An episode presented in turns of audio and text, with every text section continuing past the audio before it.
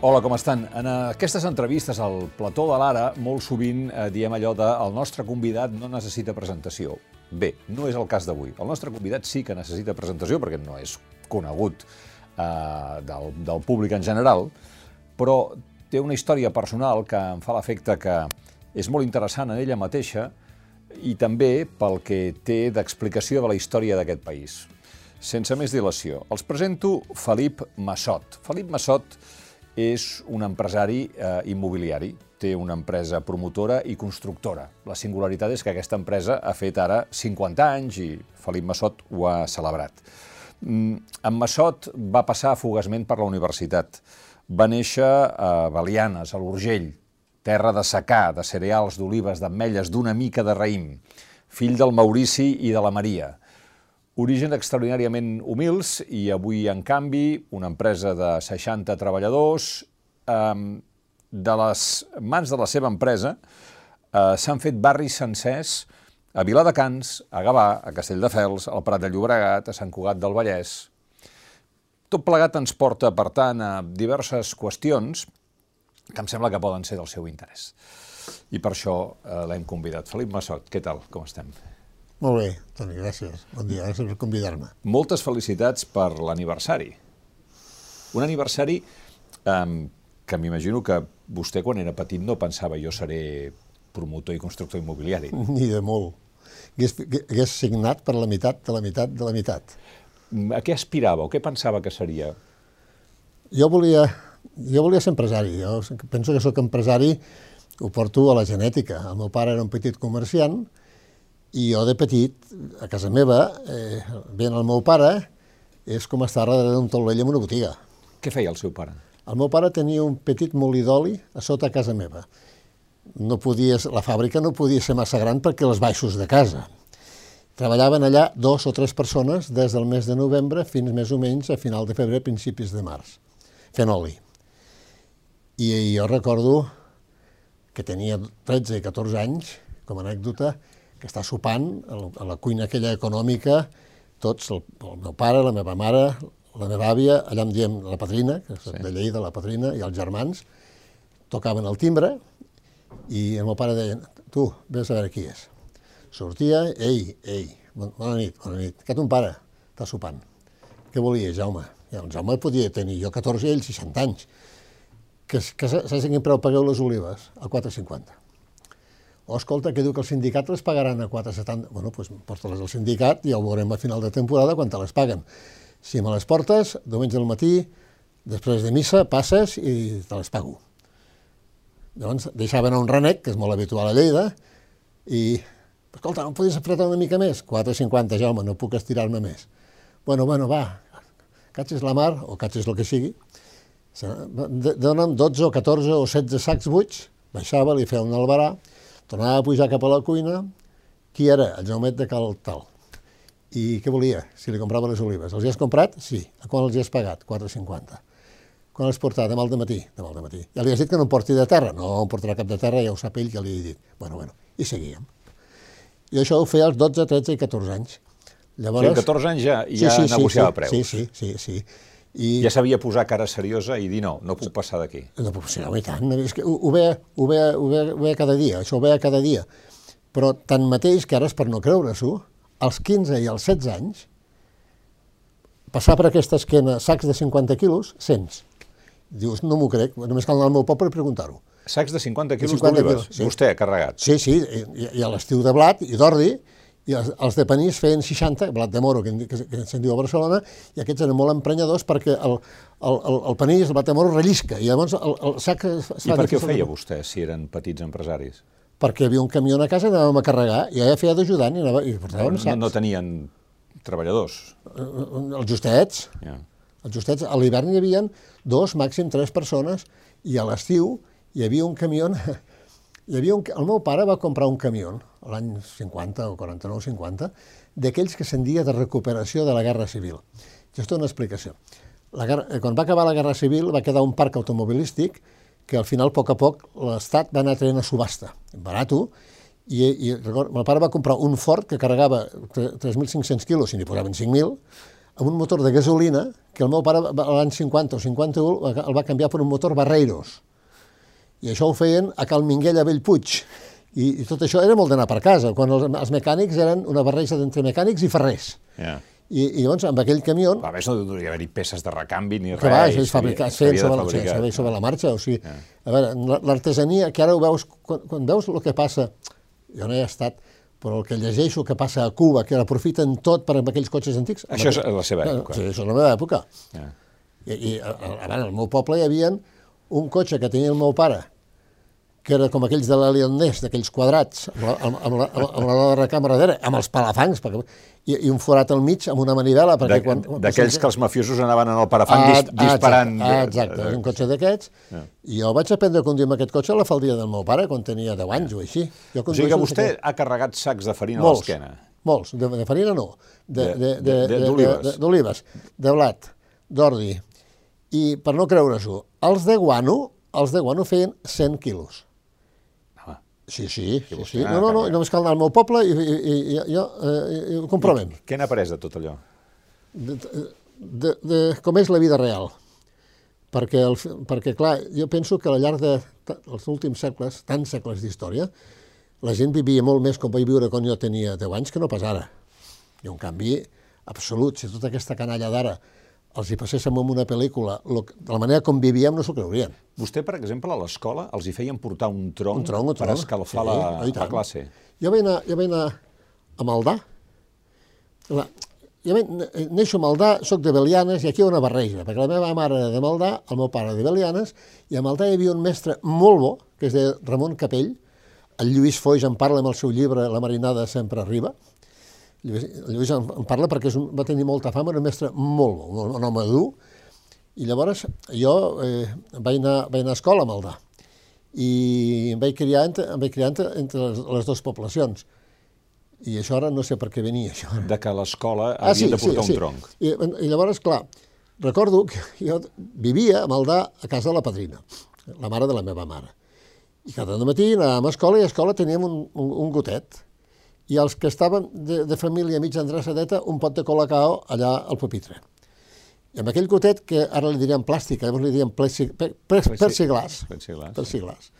Amb aquell gotet, a mig matí, don Ramon feia calentar una olla d'aigua amb aquella estufa que, que cremava gràcies als troncs que portàvem tots i cada un de nosaltres, calentava l'aigua i passàvem en cua i ens donava, es posava una cullerada de llet en pols dels americans, l'aigua corresponent i al pupitre una mica de colacao. Com dels americans. Sí, eh, era llet en pols que arribava dels americans, a l'ajuda americana. Ajuda americana. Em- enviaven eh, llet en pols i formatge salat.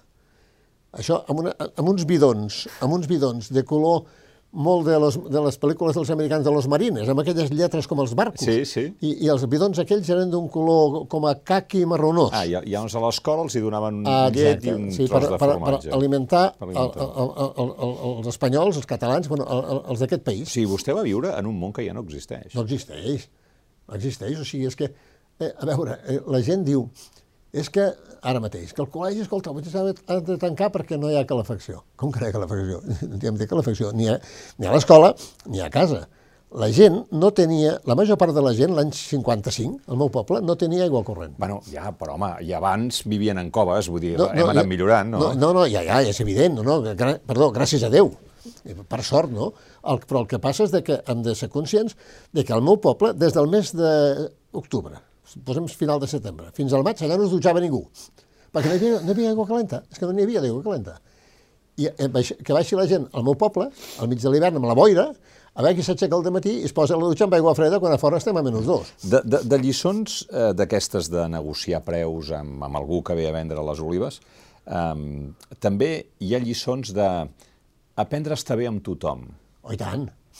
I tant, jo explico això, eh, això ho explico quan, eh, com a model d'això, la meva mare em deia, això és llarg d'explicar, perquè clar, a casa hi hi havia una caixa de galetes d'aquestes metàl·liques, plena de vales, que hi posava vale per un quilo de pan, en castellà. La gent parlava en català, però que aquestes coses en castellà. I dius, i això què vol dir? Sí, home, això vol dir que la gent al camp tenia blat. El blat l'havíem de portar al Servicio Nacional del Trigo, perquè això estava controlat per l'Estat perquè hi hagués pa per tothom. En aquell, no era mala mesura, perquè en aquell moment, perquè hi hagués pa per tothom, van muntar... Això també va ocasionar l'estraper-lo, perquè clar, per escapar-se de l'obligatorietat... Podies que... comprar al mercat negre. Ah, hi havia mercat negre. No massa, però hi havia mercat negre. Llavors, la gent tenia, estava autoritzada a agafar una part de, de la seva collita, el portava a la farinera, a Maldà, que hi havia farinera, i et, et bescanviaven el blat que portaves per, per, per, per farina. Es cobraven amb, amb blat. I tu agafaves el, la farina aquesta i la portaves al pastisser, a la fleca. I el pastisser et donava uns vales, quilos de pa, amb uns vales. I la meva mare em deia, nen, eh, vés a buscar pa. Mama, quan em porto? Ton pare vindrà a dinar? Saps què t'ha dit? M'ha dit que no vindria a dinar. Doncs llavors em portes dos quilos. I on vaig? On vas? On vas anar ahir? Que l'Antolín. Doncs avui vas a Calcanyero, que s'ha d'estar ben tothom d'això que, que, que t'ho dien i tu no te'n donaves compte, t'estaven ensenyant sense que ni ella mateixa ho sabés, ni jo tampoc ho, ho percebís, la manera de comportar-se amb la gent.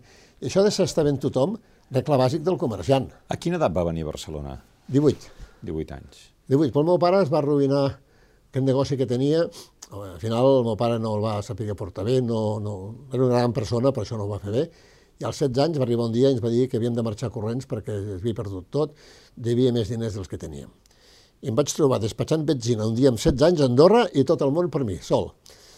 Un familiar em va trobar una feina a Andorra i vaig estar un any treballant a Andorra. Llavors, els... el meu pare era, molt bona persona i la gent aquella en qui devia diners el van anar a buscar, va dir, torna, intenta posar ordre amb el que has deixat perquè això ho ha de fer la justícia. Si era pitjor no quedarà res, i si ho fas tu, i així va ser. I llavors, ja, ja pare... ens esperarem a cobrar, diguéssim. Sí, sí, sí. si això no haguessin cobrat, perquè estava tot el jutjat, i llavors vam tornar i vaig, i vaig, passar, vaig, vaig agafar la, el, vaig ser el pal de paller a la capdavantera, tenia 17 anys. Vostè va posar ordre al negoci familiar. Vaig, jo, el dia de Nadal de l'any 62, el dia de la nevada, mm. jo arribava a casa perquè havíem fet net el molí, aquell molí el portava el meu, el meu cosí, el Josep Maria i jo. Els dos mano a mano portàvem la fabriqueta aquella d'oli. Vam fer net. Vaig arribar a casa, que veníem de, de jugar cartes a, a Calpó, a Belianes, veníem de jugar cartes, jo tenia 17 anys, i nevava. I el meu pare, arribo a casa, a quines hores de fer allò que fan els pares, el que fem els pares. Eh? I, doncs mira, si sapiguessis que està nevant, està nevant, molt, home, déu nhi Pues ahir vaig comprar un camió d'olives al, al, al Folguera de Torregrossa, no cotxe. No, deixa, no estava mig despullar, torna't a vestir, vés a buscar un cosí, que havia, havia fotut el llit, tots dos cap a Torregrossa, a punta de dia, nevant, arribem a Torregrossa i el Folguera diu, ui, dia de Nadal, aquí les teniu, 140 sacs d'olives de 50 quilos, i entre el meu cosí, que en tenia 18, jo 17, carrega-les al camió, ah, el, el camió el portava jo sense carnet de conduir, sense permís de conduir, dius, no pot ser, per carretera sense asfaltar, sí senyor, carretera sense asfaltar, amb allò que ara en diuen batxes, no, es en diu clots, plenes de clots, neu, i arriba a casa sense haver dormit, baixa-les, baixa puja-les a dalt amb un muntacarres que hi havia que es trencava cada dos per tres, i comença a xafar olives el dia de Nadal de l'any 62. Això ho vaig fer jo, el, i el meu cosí, que es viu, ja. em pot donar testimoni. Per tant, vostè venia a Barcelona a, a buscar una vida millor. Sí, perquè és que et dones compte de que allà no hi ha és aquelles decisions que prens a la vida. Una vegada em va dir un jefe que jo tenia, diu, el secret de l'èxit és saber dir sí o no al moment oportú. I a la vida, en moments oportuns, que és de tirar cap a la dreta o cap a l'esquerra, i ens encertar-la. I la vaig encertar. Vaig dir, aquí no farem res. Aquí eh, vam acabar de pagar la gent del poble, va haver, va haver un any, aquelles dues temporades del Molí, a veure que allà no, allà no hi havia futur. Vull dir, cap a Barcelona i a veure què fem. Va, exacte, a, a fer què? A treballar a treballar. Home, a treballar, però vull dir, no, no a carregar sacs, vull no, dir, no, ficar-se eh, en un despatx, m'imagino. Sí, eh, re, re, recordo, recordo que vaig fer eh, La Vanguardia, que ara, que ara no hi ha anuncis per, per paraules, allò del final, que abans hi havia 7 o 8 pàgines, que a més hi havia mobles, feina, jo que sé, pisos, hi havia molts anuncis, ara no n'hi ha. Sí, ofertes i demandes. Ofertes, ofertes de treball. Sí. Pues escrivies allà i recordo que em van fer... Aquí al Passeig de Gràcia hi havia una, una oficina de que feien test d'aquests psicològics, amb dels dibuixets, i les, en aquella època ja, això, de, però, però l'any 63. Ja vaig anar a algun lloc d'aquests, buscant feina, una per la Caixa de Catalunya, llavors Caixa d'Estalvis de la Diputació de Barcelona, l'altra la seda de Barcelona, i alguna altra més que no recordo. La circumstància és que la sede de Barcelona al cap dels anys va ser meva. La vaig comprar a la fàbrica. O sigui, ja l'any 63 em vaig presentar uns exàmens perquè, per, per anar a treballar allà. I al final la meva mare diu, diu, escolta, Felip, hi ha un capellà amic eh, que, que, que, que coneixem que, que neix amb una gent de Barcelona que es veu que necessiten algú per treballar. Per què no hi vas? I vaig pensar, mare de Déu. Va, nen, va, vés-hi, vés-hi. Va, vés-hi, vés-hi, perquè si la mama callarà i estarà bé, faré contenta. I em vaig presentar un dia a la Via Laetana número 30, Sexto A, perquè es deia Sexto, no sé si Sexto A, que és l'edifici d'en Guardans, l'edifici que va fer en Cambó, el famós Cambó, que hi vivia la filla, la filla, la Helena Cambó, amb el seu marit, traspassat, en Ramon Guardans, advocat de Barcelona. I a la planta sisena em va rebre un senyor que es deia Raut, Josep Arraut d'Ossó, i li buscava feina, i que allà hi havia una plaça d'auxiliar administratiu, què sabia fer, d'on venia, i va fer xerrar.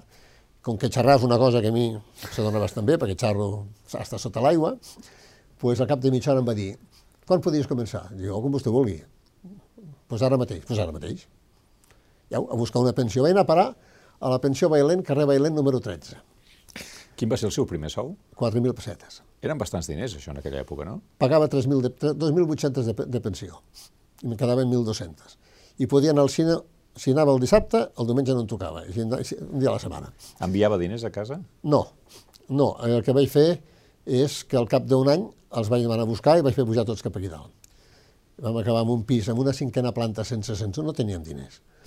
I el meu pare, la meva mare, la, la padrina, els meus germans, i la mama, la mama havia sigut modista de joveneta, cosia pel veïnat, el meu pare anava al poble i portava pel veïnat, pues, que si botifa... el meu poble fan, una, fan uns embotits molt bons, i portava pues, botifarra blanca de la llenga i botifarra blanca, i, per fer-se una mica, una mica d'oli, veïns del barri, i entre el meu sou, el que cosia la meva mare i aquelles quatre cosetes del meu pare, uh -huh. pues, anaven fent bullir l'olla. I com és que va acabar amb el negoci immobiliari? Perquè allí, allí on vaig anar a treballar tenien el càmping La Ballena Alegre. I al mateix temps estaven fent petites eh, enxamples de poble a Viladecans i a Gavà, que eren petits barris nous, dos o tres carrers, compraven un terreny, pujaven fent dos carrers i vaig començar allà. Això feien els guardans? Això no, això feien els Arraut. Els Arraut. El, o sigui, el guardans, l'edifici on vaig anar a parar, el senyor Guardans vivia dalt. El Guardans eh, tenia un càmping, que li va muntar la gent que treballava jo. Ah, Mentre jo hi era allà, d'acord. li van fer el project management Mhm. d'allò, que llavors es deia dir no sé com. I, Segur que no es deia, no, no es deia project, el project management. Li, li van ajudar a muntar aquell càmping. I jo era el que portava els papers, que tenia 18 i 19 anys, portava a que firmés el senyor Guardans les sol·licituds i no sé què que preparàvem nosaltres. Al cap de 25 anys li vam a comprar el càmping. Sí, amb el senyor Guardans. Li va vendre? Sí, sí, sí. sí. Vam ser molt amics amb el senyor Guardans, un personatge. Ja. Yeah. Tot un personatge. I en aquells primers anys de treballar amb aquesta gent, amb aquests senyors, vostè què va veure? Quina llumeta se li va encendre? A veure, primer, el que feia m'agradava. Era bonic. I, a més... Bonic? En quin sentit? Era bonic perquè tractaves molt amb la gent. A veure, allà venia la gent, nouvinguts d'altres parts del territori de l'estat espanyol, arribaven aquí, buscaven feina, la trobaven al cap de dos dies, parlo de l'any 60...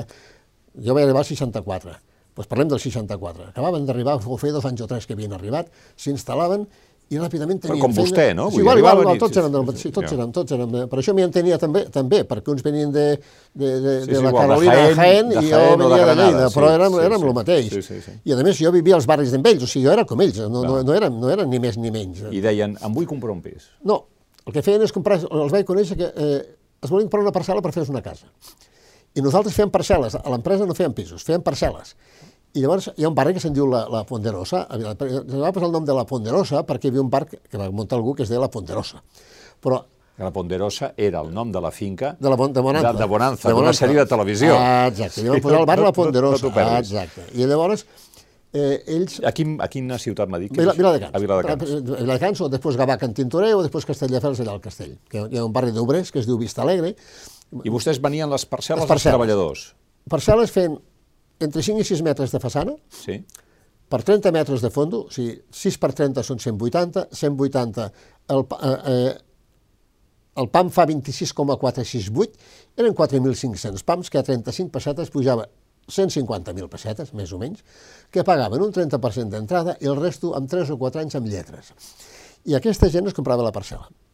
Venia, jo a la parcel·la s'hi podia fer només una un, casa. Una casa, no, no, no una casa de pisos. Una casa de pisos. Una casa ah, de pisos una casa de planta de baixa i dos per fer 6 metres i fent planta baixa i pis. Planta baixa i pis. O algun feia planta baixa i dos pisos. D'acord. Carrers que, que, carrers que fèiem a l'empresa on estava jo, que el, molts d'ells no estaven ni asfaltats, que hi havia uns mínims serveis de clavegueram, i això sí, aigua corrent, que ho fèiem nosaltres a l'empresa on treballava, tot molt primari, eh? I aquesta gent es feia la casa. Jo hi anava el dissabte amb gent, oye, ¿por qué no vienes y te invitamos a desayunar? Llavors jo el, el dissabte al matí, quan ja vaig tenir cotxe, que em vaig comprar uns 600 de segona mà, l'any 65, jo agafava el cotxe i anava, eren amics, hi havia molta gent que era amiga meva. És que era il·lusionant, veure tota aquella gent com treballava. El, diumenge, el, el dissabte al matí, el diumenge al matí, allò era un follon de gent treballant, tots a la família s'ajudaven uns amb els altres. I ells eren ells, els seus propis paletes? Sí, sí, sí, perquè n'hi havia molts que eren paletes professionals, ja. s'ajudaven entre ells, allà treballava tothom. La cara d'il·lusió d'aquesta gent, fent-se casa seva, quan venien del lloc que l'amo anava a cavall, que l'amo anava a cavall d'on venien, i ara eren amos de casa seva, que tenien un projecte de vida, de futur, de propietat de casa seva, se'ls veia la cara, és que era, era il·lusionant. I clar, i allò creixia, cada dia hi havia feina, i, i, i n'hi havia per tothom. I això era, era il·lusionant, això era bonic. I llavors vostè va decidir, jo em dedicaré a comprar i vendre parcel·les. Mentre estaves allà, clar, coneixia molta gent. Aquest caràcter que jo tinc, que, que xerro molt, que, que, que conec a molta gent, vaig veure que hi havia gent que necessitava, buscava terrenys per fer pisos, no dels nostres, sinó terrenys a Viladecans, a Gavà, a Castelldefels, Llavors vaig pensar, si jo m'entero qui són els trens, cobraré una comissió, facilitaré la compra-venta i faré diners. Jo vaig guanyar diners, jo tenia 20 o 21 anys i 22 i guanyava diners. Al marge del meu sou, jo feia les meves coses. Jo no m'ho impedia ningú. Jo a les meves hores connectava uns i els altres. I jo tu tens una parcel·la, tu vols fer una casa? Sí, sí, sí. jo tinc anècdotes.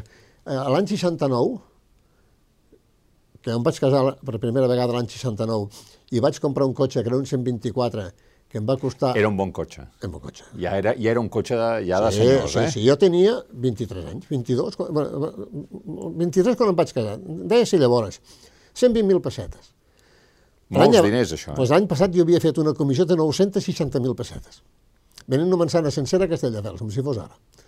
Bueno, amb això vostè es podia comprar per això, 10 pisos a Barcelona. Ah, si no 10, 4 o 5, sí. Qu bueno, sí, sí. sí. 4 sí, o 5 pisos a Barcelona. Sí, sí. I per això ja m'independitzo, jo ja tinc diners, jo tinc 26 anys, jo tinc 6 o 7 milions de pessetes.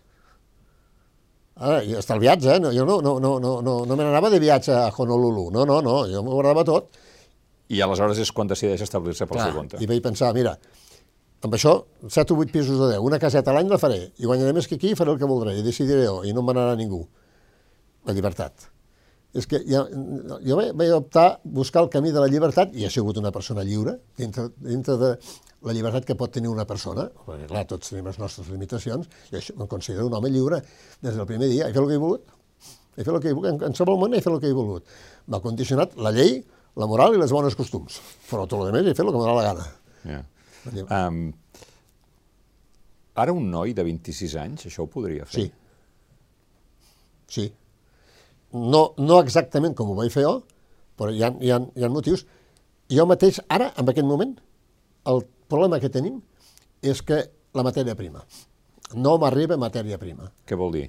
Solars, terrenys per edificar, en condicions. Clar, el, el terreny, ja m'arriben coses, però no m'arriben les coses que amb el preu oportú per poder que m'aguanti l'escandall. Famosa paraula Què és l'escandall? L'escandall és, a veure, eh, per fer, fem-ho fàcil, en un restaurant, què és l'escandall? Pues el personal que, que tens a la cuina que treballant allà, el cost del personal, el cost dels cambrers, que, el cost de la matèria prima, que és les bledes, l'enciam, sí, sí. el peix, el producte, la llum, l'aigua, el gas, la, els impostos. Els impostos. Això són els costos. A quan, a quan venc el plat de faves i, i, i llavors dius, quin marge vull tenir, que em costa, són les que han de fer les I amb això acabo dient que val el plat de faves. Exacte, perquè li carrego del que m'ha costat, que és la suma de tot... O sigui, l'escandall és començar pel final. Començar pel final. Que, quan em compraran avui un plat de faves i que si vull guanyar un 15%, un 10%, un 20%, què és el que m'ha de costar? Si no em surt, no em surt, llavors no, no puc vendre faves, he de fer una altra cosa. I amb els pisos és el mateix, és el terreny, és l'obra, amb tot el que comporta, les despeses, que són arquitectes, aparelladors, permisos municipals, escriptures, notaris, registres de la propietat, tot això, Ja. i llavors, i, i, i al preu final, dius que, que val un pis? 300.000 euros. I quan creus que el normal de guanyar aquí, què es voldries guanyar? Pues un 20, 18, un 20% sobre el preu de venda. El 20% que són 60, n'ha de costar 240. No falla, pot, pot passar més. Què val l'obra? Això ja ho sé. Què val les peces? Ja ho sé. Si tiro enrere, ja. què puc pagar del terreny? Escolti, vostè, eh, vostè no va anar mai a la universitat, Jo vaig anar, vaig fer primer de dret i, i, i quasi bé segon. però no es va llicenciar. No, no, no, no, no perquè ja, ja, em vaig anar fent gran, ho feia tot a hores com podia, això. Ni va anar mai a, a IES o ESADE. No, no, no. no, no mai he, una- he, anat a, he anat a explicar alguna explicar vegada... alguna cosa. Sí, el mateix que estic explicant ara. O sigui, vostè m'està dient que sabent fer l'escandall i amb moltes ganes de treballar, El, el, el, el, el món, que li preguntin al, al senyor Mancio Ortega, que segurament, que no el conec de res, o que li preguntin a tanta gent que diria ara, ho han fet ells, el món escandall i ganes de treballar i sentit comú, vaja, el món és, el món és teu? sí, i ara has de saber, per fer l'escandall has, de has de saber comptar, eh? O sigui, a veure, i després, com més informació tens, eh, eh, és que la informació, amb el meu sector, conèixer què és el que passa, què és el que vol la gent, eh, com, està, eh, a veure, com està tot el tema del sol, qui el té, qui no el té, on es pot anar a buscar aquest ajuntament, aquest propietari, aquesta informació, és, llavors és saber ordenar-la bé. Diu, el, jo tinc un germà que sempre diu, tu tens un nas esp espectacular, és que, i sents dolor, no, no, no, és informació ben processada. Jo el que sóc és un gran xafarder, que pregunto i xerro i, no, i, i, i busco sempre informació. Llavors, es, es tracta de processar-la bé. El territori s'ha de conèixer, i conèixer el territori no és fàcil, conèixer el territori significa moltes hores d'anar. Molt, molt, eh, a mi moltes vegades m'han dit, és que no, no, no, treballa, no pares ni el diumenge. Paro el diumenge perquè la família m'ho demana, però a mi el que em diverteix, el diumenge del matí és a veure què és el que passa, a veure territori. Ja, Jo, jo li he preguntat això del, de si un jove de 26 anys o de 21 anys podria fer el mateix que vostè, perquè eh, tinc la impressió que no, entre altres coses perquè fixis, és que aquest jove de 21 o 26 anys no, es, no pot donar ni l'entrada del pis. És a dir, els preus dels pisos en, no sé, en els darrers 35 anys s'han multiplicat per 20, potser. A veure, contem-ho. Jo venia un pis a Viladecans, o a Gavà, a l'any 94, No, 95... jo te dic fa, Sí, sí. l'any 85, fa 35 Fa anys. 35 anys. Jo venia a pisos a milió de pessetes. Un milió de pessetes. Què val aquest pis avui en dia? Un milió, un milió 200, un milió 300, aquest pis val, 30, val 50 milions de pessetes. Això, un milió Sí, sí. 200, un milió 300, 40 vegades. 40 vegades. Els sous no han pujat 40 vegades. No. Bueno, no ho sé. Ara, ara hauríem de comptar. Hauríem de comptar, però... Hauríem de però Hauríem de el, comptar. el, el, hi, ha una, hi, ha, hi ha una diferència... O sigui, vostè em parlava de, de la Mancio Ortega. Home, jo també sé fer l'escandall si fabrico camises a la Xina per un euro i les porto a Europa i les venc per 10 euros. Sí, però tots, vol- tots volen fabricar camises a la Xina per un euro i vendre-les aquí per 10, però només ho fan dos, ho, fa, ho fan tres. Els altres van justets, justets, perquè per cada Mancio Ortega que se'n surt, n'hi ha 10 que, que, que s'hi queden, eh, que no funciona, i fan el mateix. Vaja, jo ho veig d'aquesta manera. Aquí, Però I aquí tenim una altra referència, que és l'Isaac Andic, el de Mango, que és, és, és el Mancio Ortega català. O sigui, aquest comença, comença venent tejanos a Rambles quan ve de Turquia, quan té 18 o 20 anys. I al costat jo he conegut molta gent, i, i, i ja paro de dir noms, perquè ara diem més noms, que s'han quedat pel camí. I, i quan, quan, quan l'Isaac en, en dic en, començava, aquests ja tenien fama, i aquests s'han quedat enrere. Li dic això per si... si on s'ha quedat aquesta plusvàlua entre l'1 milió i els 40 milions? Qui s'ho ha quedat, això? A veure, és que ha canviat tot. Eh, eh, quan, quan fèiem allò... Sí, la meva resposta és gent com vostè, Sí, diguéssim. sí. Quan, fe, quan fèiem allò, jo venia a pisos, jo venia a pisos eh, al principi, l'any 71, a Gavà, i valien 450.000 pessetes. Que això més o menys són 200, no arriba a, 3, a, a, no arriba a 3.000 euros. El pis, no el metre quadrat, Sí, el pis. 3.000 euros era mig milió de pessetes. Mig milió de pessetes, sí. Llavors, ara, els pisos no tenen la qualitat d'ara, ni de molt. Ara un metre d'obra en costa 1.000 euros. És una referència. Si els féssim com els fem llavors, en valdrien 650. La qualitat que, que hem Ara, avui és millor, sí. Clar, han progressat en tot. Sí, sí. El carrer estava per asfaltar o de qualsevol manera. Avui, quan creem, quan creem territori nou, més o menys el cost per metre quadrat que s'hi pot fer de la urbanització és, està a 180-200 euros. Llavors potser eren 25. És que és tot. Les exigències de l'administració eh, i els impostos que han anat posant, per exemple, l'Ajuntament de, un ajuntament, entre el 4 i el 5% del valor del projecte, permís d'obres. O sigui, fer, jo estic fent un edifici a Sitges en aquest moment, que és un apart hotel, que té 90 habitacions, permís d'obres, 1.200.000 euros. L'Ajuntament sol. És, és, és que és exponencial, és que és tot. Les càrregues socials que hi havia llavors eren molt inferiors a les que ara, en la qual els sous podien ser més alts, però les càrregues, les càrregues socials eren més baixes.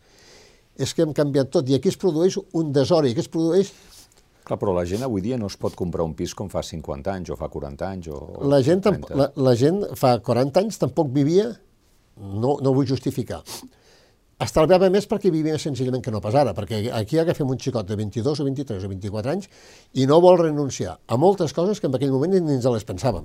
Bueno, hi ha més de tot, també és normal. No? Bueno, però és que llavors... Vostè, per exemple, no podia pensar agafar un avió low cost i anar a passar el cap de setmana a París. No, no, no, ni a, ni a ah, París. Ni a París ni, ni, ni a Saragossa, però... però... Sortien uns autobusos de la plaça, de la plaça Universitat, que li diem els verds, que amb aquell autobús jo he anat amb, amb aquesta cara, el vida de darrere, pegat així perquè no s'hi cabia, yeah. que avui fora anticonstitucional sí, sí. d'aquella manera, sí, i anàvem a banyar-nos a Castelldefels, yeah. amb aquell autobús. No teníem cotxe, anàvem amb un autobús... Ja ho entenc, però ara tot això existeix i, per tant, també la gent... No, no, d'acord, ah, no, d'acord. No hi havia telèfons mòbils, ara tots volem tenir un telèfon mòbil. Però en aquell moment la gent eh, tenia més capacitat d'estalvi que no pas ara. I el problema... Exacte, tenia més capacitat sí, d'estalvi. Clar, estalvi, si tenia més capacitat, és que estalviava. És que avui també deu haver de capacitat d'estalvi. Si la gent, de, molta gent deixa de fer moltes coses de les que està fent que li pertoca, que és normal que les faci, si no dic que no. Les que no fèiem a llavors i les que fan ara, si tornéssim a llavors, tindrien més capacitat d'estalvi. Llavors eren més estalviadors, tots. Ni, a mi anava de vacances, jo no, no vaig saber el que eren les vacances fins a vaig de 30 anys. Mm. Jo, jo anava de vacances, què, què diu? No, però posa't davant d'un pis, m'agrada aquest pis. A Barcelona, eh, poso per cas, què val aquest pis? 350.000 euros. No, per, per 350.000 euros nou no trobarem res. Vale. Què trobarem nou a Barcelona? Mig milió d'euros. Vale, mig milió d'euros. D'on trec mig milió d'euros? Doncs pues llavors, fem una cosa. Estic d'acord, eh? Però dius, bueno, doncs vés-te'n a, a Sant Feliu o vés-te'n a Home, Molins de Rei. jo sóc de Barcelona. Sí, però clar, però això no hi podem viure tots. És que jo sóc de, jo soc de Lleida i, tenia, i també volia venir a Barcelona, però si venim tots no hi cabrem. Barcelona té 96 quilòmetres quadrats, no n'hi ha més. Fixem-vos que en fi, el, el que ha passat, que això fa, faria, fa, fa falta un dia una taula redona per, eh, per deliberar sobre això. A Barcelona hi ha la mateixa genera que fa 40 anys, un milió i mig. Catalunya fa 40 anys tenia 3 milions de persones, avui som 7 i mig. No, fa, no, fa, fa més. L'any... Fa 40 anys, l'any 80, Catalunya tenia... 6 5, milions? No, no arribava. No arribava. És, en Pujol sí, l'any 80 el Pujol diu, perdó, el president Pujol, diguem-ho bé perquè no fotem, el, diu, som 6 milions, ho va dir el 82 o 83, som 7 milions i mig. L'any 50 érem 3 milions, l'any 50 érem 3 milions. I a Barcelona l'any 50 hi havia 1.200.000 persones, i avui som 1.550, 1.600. A Barcelona hi ha hagut una rotació important, molta gent ha sortit, eh, eh, no ha crescut Barcelona, perquè és que no pot créixer més. I aleshores, com ho hem, com ho hem de fer per tenir habitatge assequible? No? No, no? Ah, això, aquesta és l'altra. No s'ha fet habitatge social. Bueno, però és que, eh, és que no es pot comptar Barcelona o Barcelona, hem de parlar de país. I jo diria que hem de parlar primer de l'àrea metropolitana. Dels 7 milions i mig, quasi bé 5, estem a l'àrea metropolitana. Eh, 7 som 7 i mig Girona està a 800, Tarragona a 850, Lleida 450. Això són 2 milions i escacs. Barcelona té 5 milions i mig de persones. Comptat fins a no, Manresa. La província. A la, la província. I l'àrea metropolitana, d'aquests 5 i mig, en té 4 i mig. I un, altre, i, i, i un millor és segona, tercera corona. Uh mhm. -huh. El problema és aquí. El, Lleida, el problema és el sol sempre. Fer un pis, un pis de 100 metres quadrats, 3 dormitoris, ben fet, amb despeses, si ho fa l'administració pública que no té impostos, 120.000 120, 120 euros. Això és el preu d'un pis. Igual a Lleida que a Tarragona que a Girona. Petites diferències perquè la mà d'obra no és la mateixa, però és igual. 10% dalt, 10% baix. 100, 120 si el fa euros. un promotor privat, eh, eh, s'encareix un 20%. Com a mínim. I llavors hi ha el sol. Amigo, com a mínim. No, com a mínim. I llavors hi ha el sol. No, llavors hi ha el sol. Va. Que el sol jo l'he d'anar a pagar. I l'administració li arriba gratet amore. Com té que ser, eh? com té que ser. La llei ha anat avançant i ara nosaltres tenim que cedir el 10%, cada vegada que fas un barri nou, El 10% del que surt ho tens que decidir l'Ajuntament. Però, a més a més, has de posar un 30% de tot el que surt a les de posar de protecció oficial, permanentment de la llei. Algunes vegades 40, com a mínim el 30, algunes vegades 40, i tanmateix el 50. Estem fent nosaltres una cosa al Prat, que l'administració pública, ben feta, eh, per altra part, 50% protecció oficial. Llavors, nosaltres això ho hem de pagar. El, la, la, eh, nosaltres avui un pis al Prat o a Viladecans de sol sol val 100.000 euros. L'administració no té que pagar-ho, ho té sol, ho, ho, té, ho té directe, perquè es pot qualificar els terrenys allà on vol. Llavors, el problema diu, això com s'arregla? Té difícil arreglo, perquè tot aquest... A veure, als anys 90 no hi havia aquesta sensació, jo penso que no hi havia aquesta sensació que avui d'aquesta falta d'habitatge per la gent que no hi arriba. No la teníem, aquesta sensació. Quan es produeix? Es produeix des de l'inici d'aquest segle. I per què? No, no fa, només cal agafar Wikipedia i mirar la, la progressió de, de la població que hi ha a Catalunya. L'any 83 som 6 milions, segons diu el president Pujol. A l'any 2000 som 6 milions 100.000 persones. A l'any 2021 som 7 milions 750.000 persones. Però és que D'aquests 1.600.000 persones, 650 que creixem, un milió i mig de persones creixen de l'1 al 10.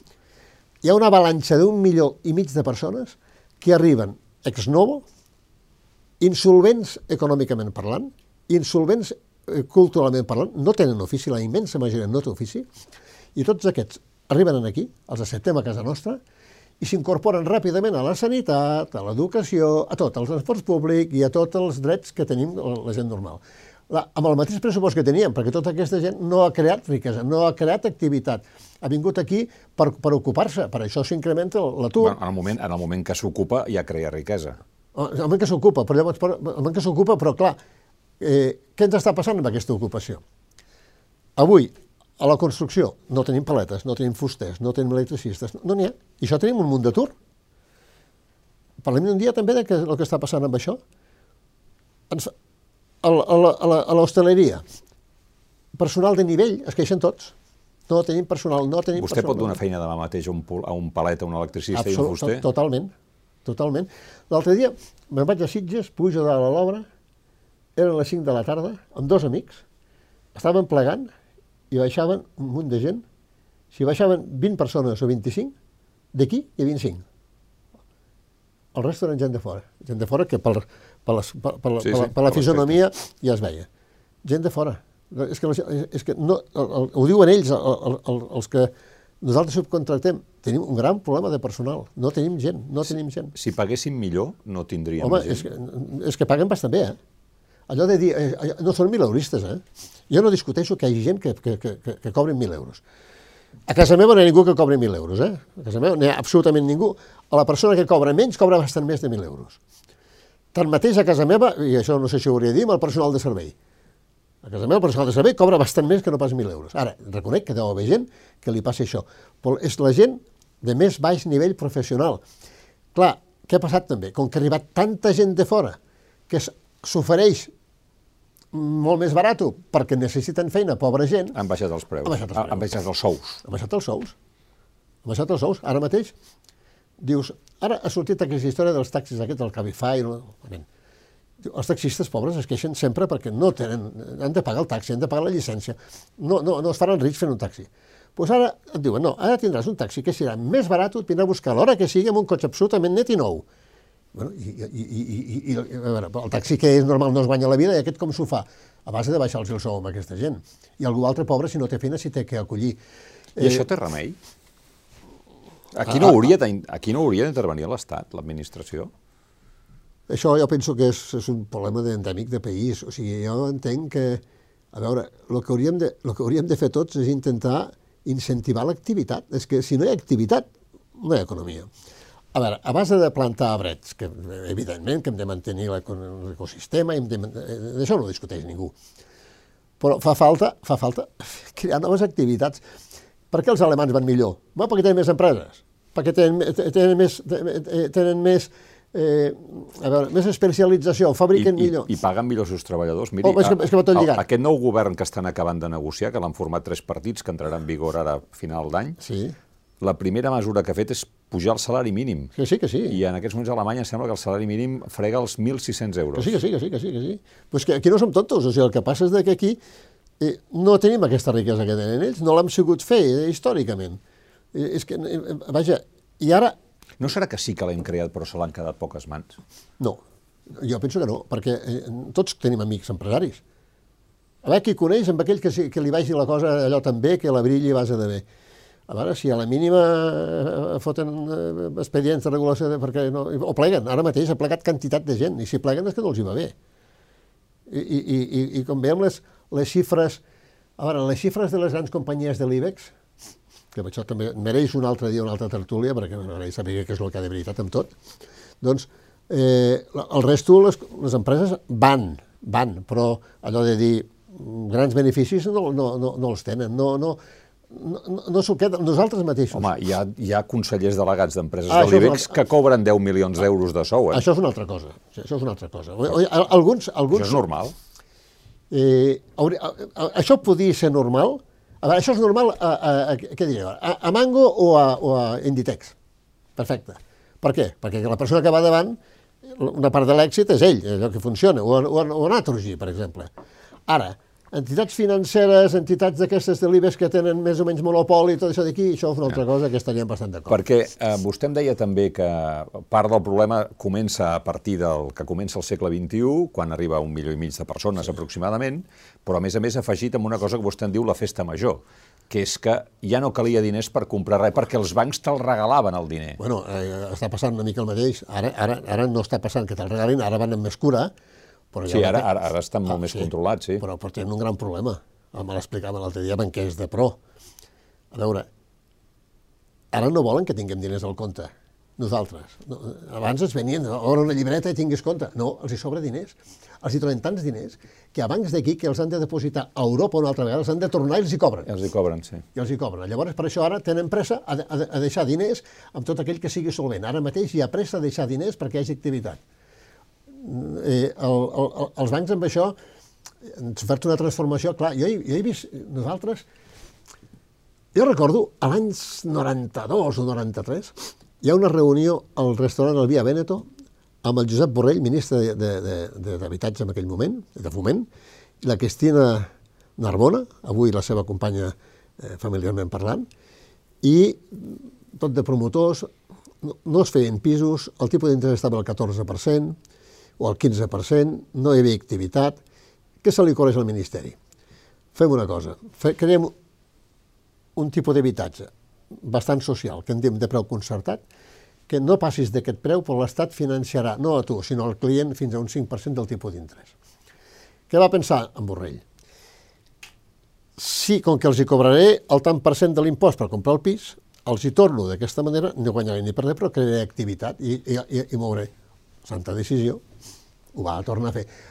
El caps pensants, com aquests, No. fa- farien falta, al meu entendre. Aquest és un exemple de cap pensant. Ja. Tu, tornem a la crisi. Sí. Què, què els hi va passar? Què ens va passar en aquella època? va passar de que, a veure, amb, amb el meu món, l'immobiliari, eh? El món immobiliari... És que et deixaven, et deixaven el 100% del El 120, pis el 120. i segons com, perquè te n'anessis de vacances i el cotxe. Que sí, que sí. Que I sí, et durem sí, 120. sí, al 120. Això, això no pot ser. Necessitaven deixar diners. Això a l'escandall no surt, No, no? no, i a nosaltres, els promotors, que ens vam emborratxar tots, t'ho finançaven tot. Llavors, de cop i volta, arriba un dia, es trenca la bombolla, Bueno, perdoni, Sí. abans de que es trenqui la bombolla, venien amics seus que no tenien res a veure amb el món immobiliari I- i, i- deia, soc promotor ara, Sí, que sí, que sí, que sí. Que sí. ara he comprat parcel·les. I, i t'ensenyaven, i et donaven lliçons. I et donaven lliçons de com s'ha de fer. A veure, el sentit de, de promotor immobiliari, tota la santa vida havia hagut el ferrer i el carnisser i el flaquer que juntaven amb un aparellador i feien una caseta de pisos. Això havia sigut sempre, aquesta, aquesta cosa, perquè diuen, comprarem un terreny, farem l'obra, moltes vegades s'equivocaven, però tota la vida hi havia hagut això a partir de l'any 2000, també va coincidir amb el canvi de l'euro i la peseta i tot això, tot això, bueno, és que qualsevol, van créixer com a bolets. I sempre havia passat. Jo recordo la crisi del 70, va passar. I llavors van quedar molts a terra. Els 80 va passar a terra, però exagerat va ser la- l'any 2000. Perquè els bancs, jo he vist deixar diners, però diners, diners, eh? A veure, a cada, a cada persona... És que, que només dius, és impossible, és impossible que ho torni. És impossible, és impossible. No sabien res, absolutament res de res, res de res de res. Qualsevol promotoret que havia fet dos cosetes, devia 200 milions, 300 milions. Pensaves, 200 milions d'euros són 33.000 milions de pessetes, 33.000 milions de pessetes. Parla, i, i, passàvem de la peseta a l'euro, que encara passaves en pessetes. Deies, mira, sí. Ens vam tornar tots bojos. I, i ens vam equivocar tots, nosaltres també. El que passa és que si et vas equivocar menys, te'n va sortir. Vostè els... va estar en risc de, de no, tancar? No, no, no, no, no, no. Nosaltres devíem diners, però teníem molt patrimoni i ens vam posar d'acord i, i ho vam arreglar. No. El que passa és de que, clar, jo he vist, he vist pagar, un exemple, a Sitges, el que valia per mi, per mi en aquell moment valia 1.500, ho he vist pagar a 3.500. I al cap de 3 anys valgué 750. I equivocar-me jo, dels 1.500 baixar a 750. Això no ho va tenir ningú. No. Perquè si tu deu, deus 100, perdó, tens 100, dius, fins a quan puc deure? Fins a 35, un terç, vale. Doncs pues no passa res, tinc 100, val 30. O sigui, aquests 100 de cop i volta valen 30, és que en deu 5. Abans te'n soben 65, però si aquest 100 al mercat només te'n paga 30, i, i, i malament perquè no hi ha mercat. Aquestes situacions de no haver mercat, jo les he vist dues o tres vegades. La vaig veure també l'any 80-81. Jo l'any 80-81 havia dit, si em regaleu un terreny a Viladecans amb la condició que l'edifiqui, no el vull. Això ja ho havia dit l'any 80. Eh, això és un, una gimcam amb el temps. Jo recordo els 70 i els 80, sempre, cada, cada dècada una crisi o altra, cada dècada una crisi o altra. Um, doncs ajudi'm. Ara vostè com veu l'economia i de què, de què muntaria un negoci si tingués 21 anys? Jo sé fer el que sé fer, jo el muntaria immobiliari l'altra vegada. Ah, sí? Sí, sí. Jo sempre un forat. Sempre un forat, sempre. A veure, el país està bastant equipat. La, la, la, la classe, diem, la classe, diem, solvent, i ho dic amb, amb tot el respecte, la, la classe que econòmicament és més solvent, està ja bastant servida, no hi ha tanta demanda, la gent està bastant col·locada. Llavors, hi ha una manca importantíssima, que després, si voleu, diré, eh, que t'arreglo, sí que t'arreglo, però els arreglos no són en 15 dies, ni en un any, ni en 3. Fa falta perspectiva de futur. Bé, el, pel dia a dia, tota aquesta ciutat que veig per aquí, aquí hi ha, hi ha, hi ha sempre necessitat. Sempre trobaràs una coseta perquè el propietari que et fa confiança, li, el solar li dones uns diners i dos pisos i li arregles, eh, l'has de convèncer i per fer una casa de 6 pisos aquí, 14 allà, jo aniria, jo aniria fent, si tingués 25 o 26 anys, el que faria. O sigui, vostè és, de, és dels de que anava amb el cotxe, veia un solar i baixava del cotxe i deia, d'aquí és? Eh, sí, I entrava a la botiga a preguntar de qui era el solar. Bueno, més o menys, el que passa és que ja ho, ja ho sabies. Barcelona és més complicada, però, per exemple, a Viladecans, l'any 64, quan jo, quan jo vaig arribar, hi havia 10 o 12.000 persones, avui n'hi ha 65.000. Bueno, és que estem parlant d'una altra Catalunya, Clar, és que llavors, no té res a veure. Llavors, però ara, avui mateix, jo, com que fa tants anys, vaig agafar el cotxe, vaig a Gavà, jo, jo m'ho conec. De Castelldefels, i de Cans, i a Sant Cugat, és que m'ho conec. I si vull veure què és allò, sé on trucar i qui... Ja. qui... Bueno, sí, sí, és clar. clar eh, però és que és ofici. És que tots ens falta ofici. És que la gent es pensa que, acaba la carrera, fa econòmiques, farem un màster immobiliari i ja està, i arreglat. No, no, si el, si el màster l'has de fer a la botiga t'has de passar 5, 6, 7, 8 anys treballant intensament, no preocupant-te gaire el que et paguen, perquè el primer que et diuen ara és que, escolti, el cap de setmana vacances, i les vacances quan les faré i quan cobraré, posa-t'hi, home, posa-t'hi, posa-t'hi, has de ser generós al principi, t'ha de, de fer il·lusió, has de donar més el que et demanen, perquè amb això prendràs l'ofici. Fa falta ofici, i llavors, clar, jo eh, no, no tinc gran cosa, encara em queda il·lusió, perquè tinguis ofici fa molts anys, mm. però ja tenia ofici quan tenia 30 anys, tenia molt ofici quan tenia 30 anys, havia fet moltes tombarelles. Qui, qui ha sigut el constructor més important d'aquest país? Núñez? El més famós, el Núñez, i el Núñez ha sigut un magnífic, un magnífic promotor immobiliari. Sí? Per mi ha sigut un magnífic promotor immobiliari. Hasta el punt de que a l'Eixample un pis Núñez val una mica més que un pis que no sigui Núñez. Per què? perquè estan ben fets, té, bona, té, té una bona... Sempre havia posat una qualitat més que acceptable. L'estètica és molt discutible. Sí, però l'estètica la discutíem... Parlem d'un altre taula rodona Almenys dia. Almenys la dels anys de, 70 i... Eh, fins l'any 70, fins l'any 70, el que ho feia millor era el Núñez fent-ho malament, perquè els altres ho fotien molt malament. Allò és molt senzill. Clar, és quan arriba tanta gent. Va tot de pressa, va, va, correm, correm, correm, correm. El, el Núñez, l'estètica, la discutiríem tant l'estètica, Bueno, ell sempre deia que, hi, que, que això li firmava algú de l'Ajuntament. Segur. Però No, no, però, però el que vaig a dir ara no ho hauria de dir, però m'és igual. Agafem l'estètica del FAT, agafem premis FAT, a veure, a veure, a veure què ens sembla, i agafem premis FAT fets fa 10-12 anys i anem-los a veure físicament a veure com estan. I són premis FAT, eh? Fets els arquitectes. Això de que aquesta casa és lletja. Quina- Això, el promotor, no, no, perdona, aquesta casa té un arquitecte. I aquest projecte ha passat pel Col·legi d'Arquitectes. I, i, I ha passat per l'Ajuntament. I deu complir les normes. Llavors, si no us agrada, canviem les normes. I les normes qui les farà? Perquè, perquè si les fan els mateixos arquitectes, que n'hi ha de boníssims, però eh, mirem els premis FAT. Mirem-los, mirem-los. Fem un exercici ciutadà de la gent del carrer, del, del que li agrada la gent del carrer. Que ho, que ho digui la gent del carrer. No que ho diguin alguns, la gent del carrer. Jo, el que he fet el Núñez, hi ha coses que m'agraden més i coses que m'agraden menys, però ho trobo més que digne. Ell, per mi, ha sigut un magnífic promotor. Hi ha hagut promotors importants, el Lluís Marçà de la Clau d'Or, promotor important. Eh, hi ha hagut, després hi ha hagut gent que s'han anat a Norris, com els de Confort, per exemple, jo recordo el pare del Torner, el taxista, el senyor Torner. Clar, va haver, va haver gent notable, però jo, el Josep Lluís Núñez, en qui he conegut molt, i sé que vaig contracorrent, el meu respecte eh, professional, absolutament. A I vostè no- Marçà també. a vostè no li importa gaire anar contra corrent, em fa No, l'efecte. gens. Jo dic el que em sembla, ho dic de bona fe. Jo no vull fer mal a ningú, jo, però allò de dir, no, no em vull sumar a les crítiques generalitzades pel fet de criticar, no. Si, no, si penso que no, és que no. I, i raono, el meu, donaré el meu raonament, no, no un altre. L'altre dia, preparant aquesta entrevista, eh, vaig arribar a això de que hem construït en zones inundables. I ara amb el canvi climàtic ens estem trobant que hi ha zones que, les, bueno, que pels carrers s'inunda tot. No? Sí, això, sí. El que passa és que des de fa, sortosament, des de fa ja una bona colla d'anys, eh, l'urbanisme n'ha ocupat d'això i, a veure, ara allò de l'època dels retorns, que si 500 anys, que que les rieres, que 300 anys, des de fa 20 o 25 anys, això va molt en sèrio. Abans no es tenien, aquestes coses no, no, les, no es van preveure. No es van preveure. I, i és que, clar... És, Ara sí? Ara sí, oh, i tant. Ara sí, tot el tema de rieres i zones inundables, no parlo de platges de canvi climàtic, això és una altra història, però tot, tot, el, tot el Maresme i tot, i tot el, el Baix Llobregat, totes les rieres de que si...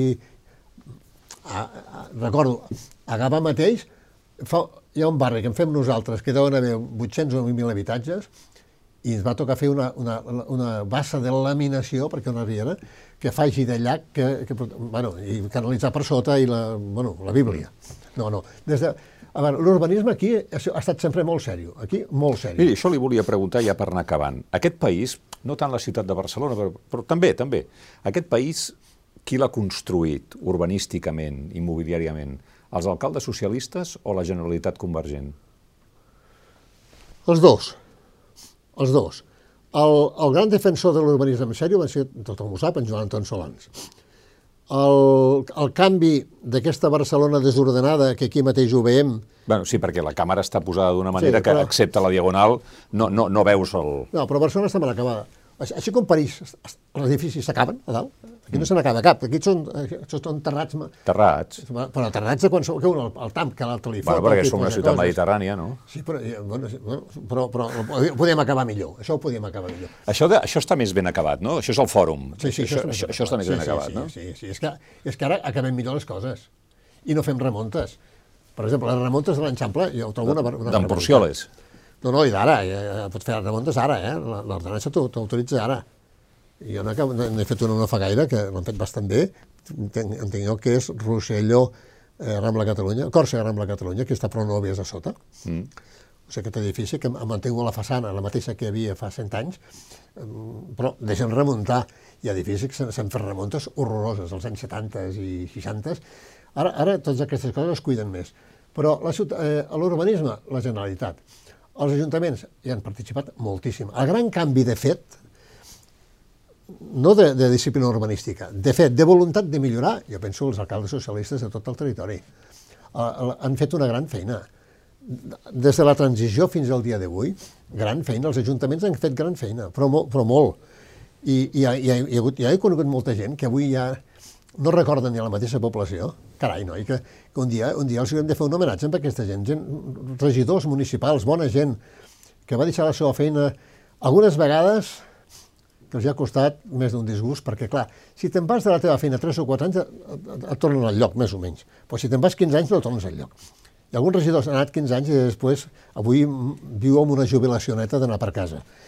I per seu poble he fet feina important. Jo barretina a molta gent, alcaldes i regidors, i, a més, immensa majoria honestos, molt honestos, la immensíssima majoria. Ara, que amb un cistell de poma sempre hi ha una poma podrida, segur. Que es veu la podrida i no es veuen les altres, també. Home, el finançament dels partits, eh, la, sí. no, el, bueno, aquesta és una altra la cosa. requalificació de terrenys, no, tot no, això, no? No, no, no. Jo, re, a veure, jo vull que algú em vingui i em digui, a veure, que em porti una sola prova, una sola. El Pla General Metropolità té una requalificació d'interès privat. Una sola. Que algú altre me la porti. No que m'expliqui encantaments, no, que em digui, carrer tal, número tal, allò era una zona verda i s'ha edificat. O allò era un equipament i s'ha canviat l'ús. Pot haver un equipament que s'ha canviat l'ús, perquè l'Ajuntament li ha dit, et canvio Sí. l'ús aquí, Sí. però el poses allà. Allà. Això sí. Però jo que, per, només conec un cas, que és el cas de l'Espanyol, que per mi, jo, que has dit que sí, igual. El camp de l'Espanyol era un equipament, propietat de l'Espanyol. Diuen que sí, perquè l'ara havia de cobrar, és igual. La ciutat va entendre que allà no es podia desatendre una entitat que tenia 25.000 ciutadans i que podien millorar, i es va millorar perquè només cal veure la porqueria que hi havia, aquell camp era una porqueria, allò era un nyap que hi havia aquí al mig històric, Can Ràbia. O sigui, llavors ara hi ha uns pisos i està bé. L'Ajuntament va fer fer habitatge de protecció oficial, va treure unes contraprestacions a l'altra part de Barcelona i va acceptar. Només és aquesta. Jo aquesta d'equipament, equipament privat, eh? no equipament públic, allò era equipament privat, que podies fer eh, edificis públics, podies fer hospitals, col·legis, coses d'aquestes, privats. Es canvia a residencial. Jo repto a qui sigui que em porti un dia i m'ho expliqui on està. Si, si me'l porta, callaré. No, hi ha hagut molta més honestedat, moltíssima més, moltíssima més. No, no... Jo, jo, que, ha, que ha hagut alguna... Segur, segur. Però jo he sigut testimoni directe, molt directe, de tot el creixement d'aquestes poblacions i des de la transició. Abans no dic que no. Des del Pla General de l'any 74, que es va aprovar definitiu al 76, i des de que, que el va fer el, el, el, el, el Serratosa, l'Albert, pel descansi, el Narcís Serra, el Miquel Roca i després dirigint Solans. Esto, primer hi va haver els socialistes, el Joan Anton, Solans, també en Pau Descansi, això era, tothom ho diu, disciplina total. I a vegades enfrontaments entre ajuntaments i Solans, perquè els ajuntaments ho volien canviar perquè al seu poble els interessava una altra cosa, no, no econòmicament, no, per fer d'una altra manera. I no, i discussions importants, i, i enganxades importants. Ha sigut... Amb això ens hem de felicitar aquí a Catalunya. Això Quan- són les coses bones, Quantes hores treballa al dia, senyor Massot? de, totes. Totes. Sí, perquè eh, és que no treballo, és que m'ho passo bé. Em passo el dia Aquesta- fent números. Uh, aqu aquesta pot ser una bona manera d'acabar l'entrevista. No, no treballo, m'ho passo bé. M'ho passo bé. I fa, fa l'escandall. L'escantall. Jo veig que al matí he de fer coses. No, no em veig sortint de casa anant a buscar el pa i passejant el gos. És que no, no em veig. I fins l'últim dia penso fer el que he fet. Jo he sigut un home feliç, senyor Bassas. He sigut un home feliç. He fet el que m'ha semblat. Tinc una companya mare meravellosa, magnífica, que ha encantat. Jo em tornava a casar amb la mateixa l'ara mateix. I portem 40 i pico d'anys. Ara sí, aquesta sí que és la bona per acabar. Amb aquesta declaració d'amor hem d'acabar l'entrevista. Felip Massot, moltes gràcies. Gràcies, senyor Bassas. Gràcies també a vostès per haver-nos vist. Si ens volen fer arribar els seus comentaris seran benvinguts. Fins a la pròxima.